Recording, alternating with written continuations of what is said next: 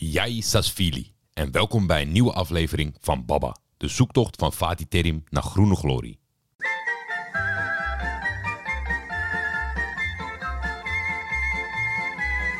Eerst heb ik te horen gekregen toen ik kwam. Hier gaat het alleen maar om winnen in dit land. Dat was de kritiek omdat ik te veel aandacht aan goed voetbal besteedde vorig jaar.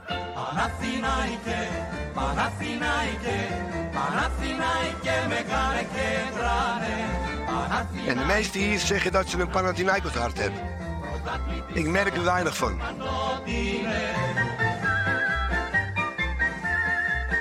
De enige die mij bij deze club weg kan sturen... is een man die ik heel erg respecteer en dat is meneer Pateras. En niet jullie.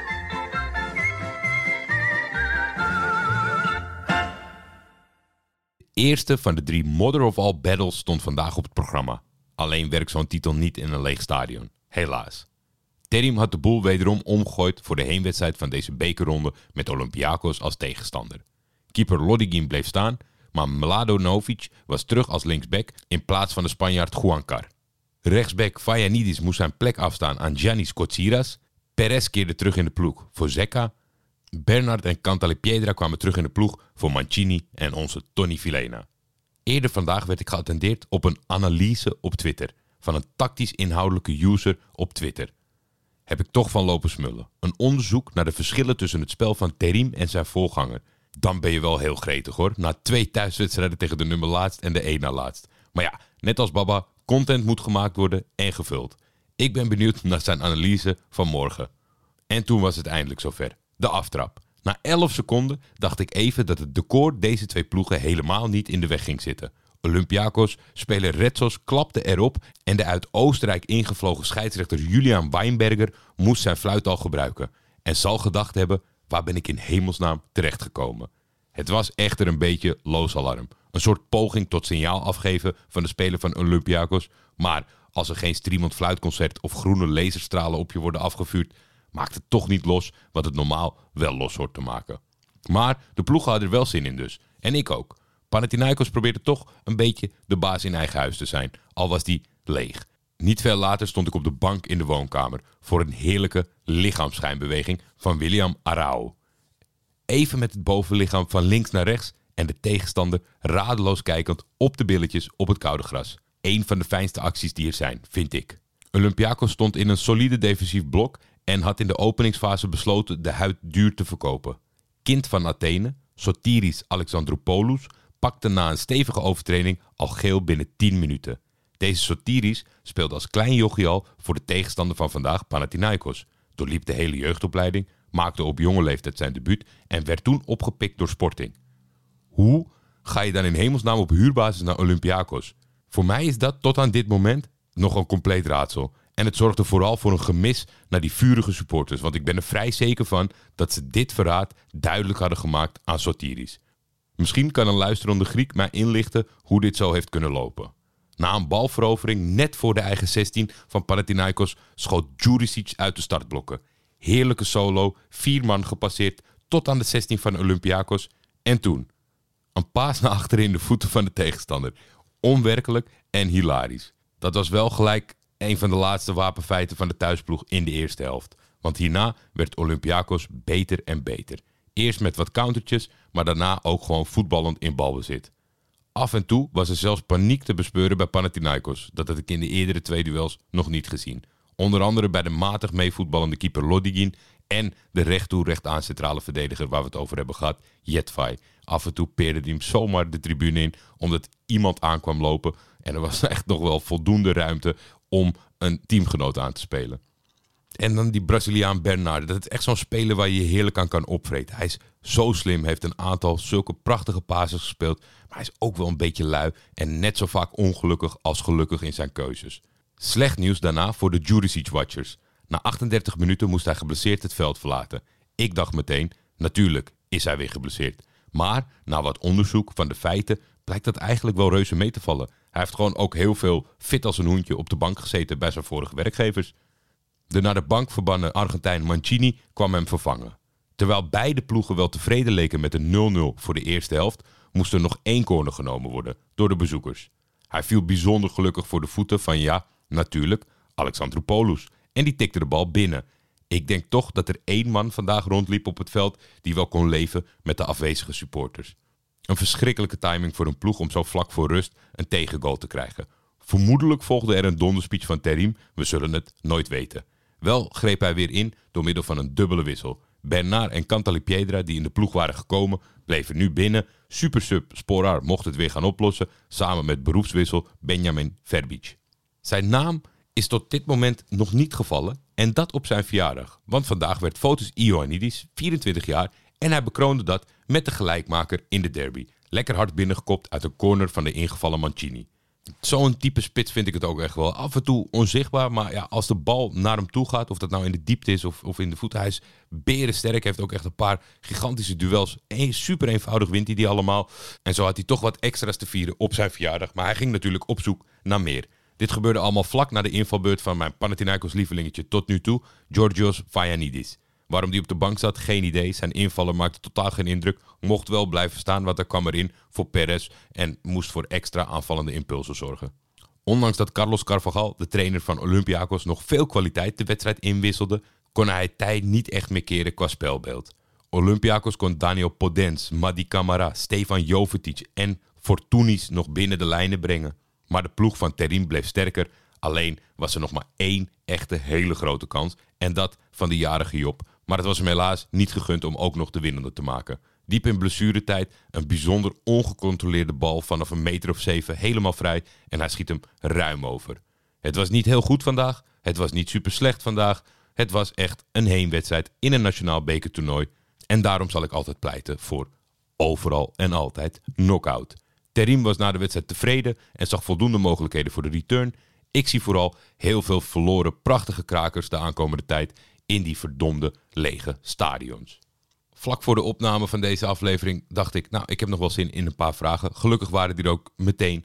Thomas van Dijk, wat is de laatste club buiten de traditionele top 4 die kampioen is geworden? Thomas, uiteraard moest ik het zelf ook opzoeken ik ben ervan uitgegaan dat met top 4 dat je daar PAOK in meeneemt. Die zijn natuurlijk recent wel goed bezig. Maar eigenlijk kan je maar spreken in Griekenland van een top 2. En zelfs de laatste jaar eigenlijk van een top 1. Dat is Olympiakos. Die zijn 47 keer kampioen geworden. Panathinaikos, onze club, 20 keer. AEK 13. En is natuurlijk nu ook wel echt een uitdager van de top.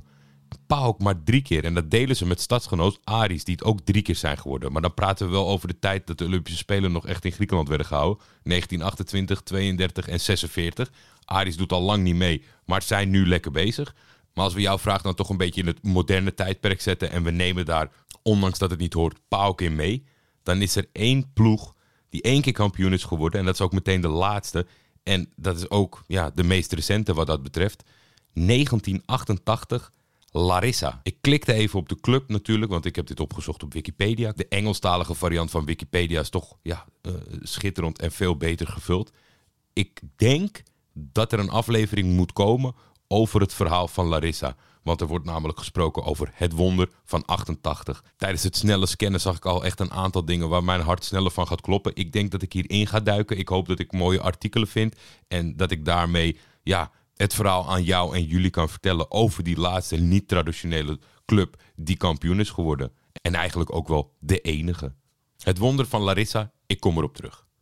Paul die vraagt, realistisch gezien, wat is je droomtransfer deze winter voor Panathinaikos? En dat vond ik een hele lastige vraag, want ja, realistisch gezien, droomtransfer, droomtransfer vanuit welke optiek? Ik zit naar deze wedstrijd te kijken als liefhebber. Ik zie dat ze centraal achterin het een en ander kunnen gebruiken. Maar ik zit natuurlijk ook te denken, wat is voor ons extra leuk om in de gaten te houden? Nou, dan kom je toch al snel. Dat weten we natuurlijk. In Nederland zijn we, wat de boer niet kent, eet hij niet. Dus we moeten het allemaal niet te spannend maken. En ik zat ineens te denken aan Danjuma. Het is toch al enige tijd geleden dat Danjuma het een en ander heeft kunnen laten zien. Uh, hij zat in een bijzonder hard stijgende lijn en die, is, uh, uh, en die is hard doorbroken na zijn transfer naar Engeland. Spurs werd het niet, Everton is het nu niet.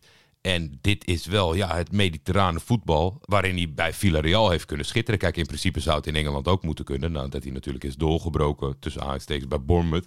Maar ja, uh, Danjuma, zou dat niet leuk zijn? Dan, kunnen we, dan kan ik hier ook een beetje een oranje watcher spelen wat dat betreft. We hebben natuurlijk wel al Nederlanders.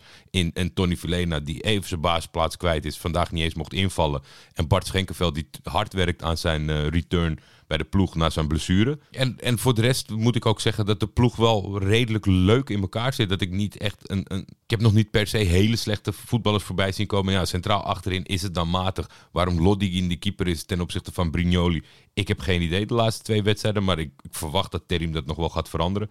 Er staan natuurlijk nog een aantal krakers op het programma.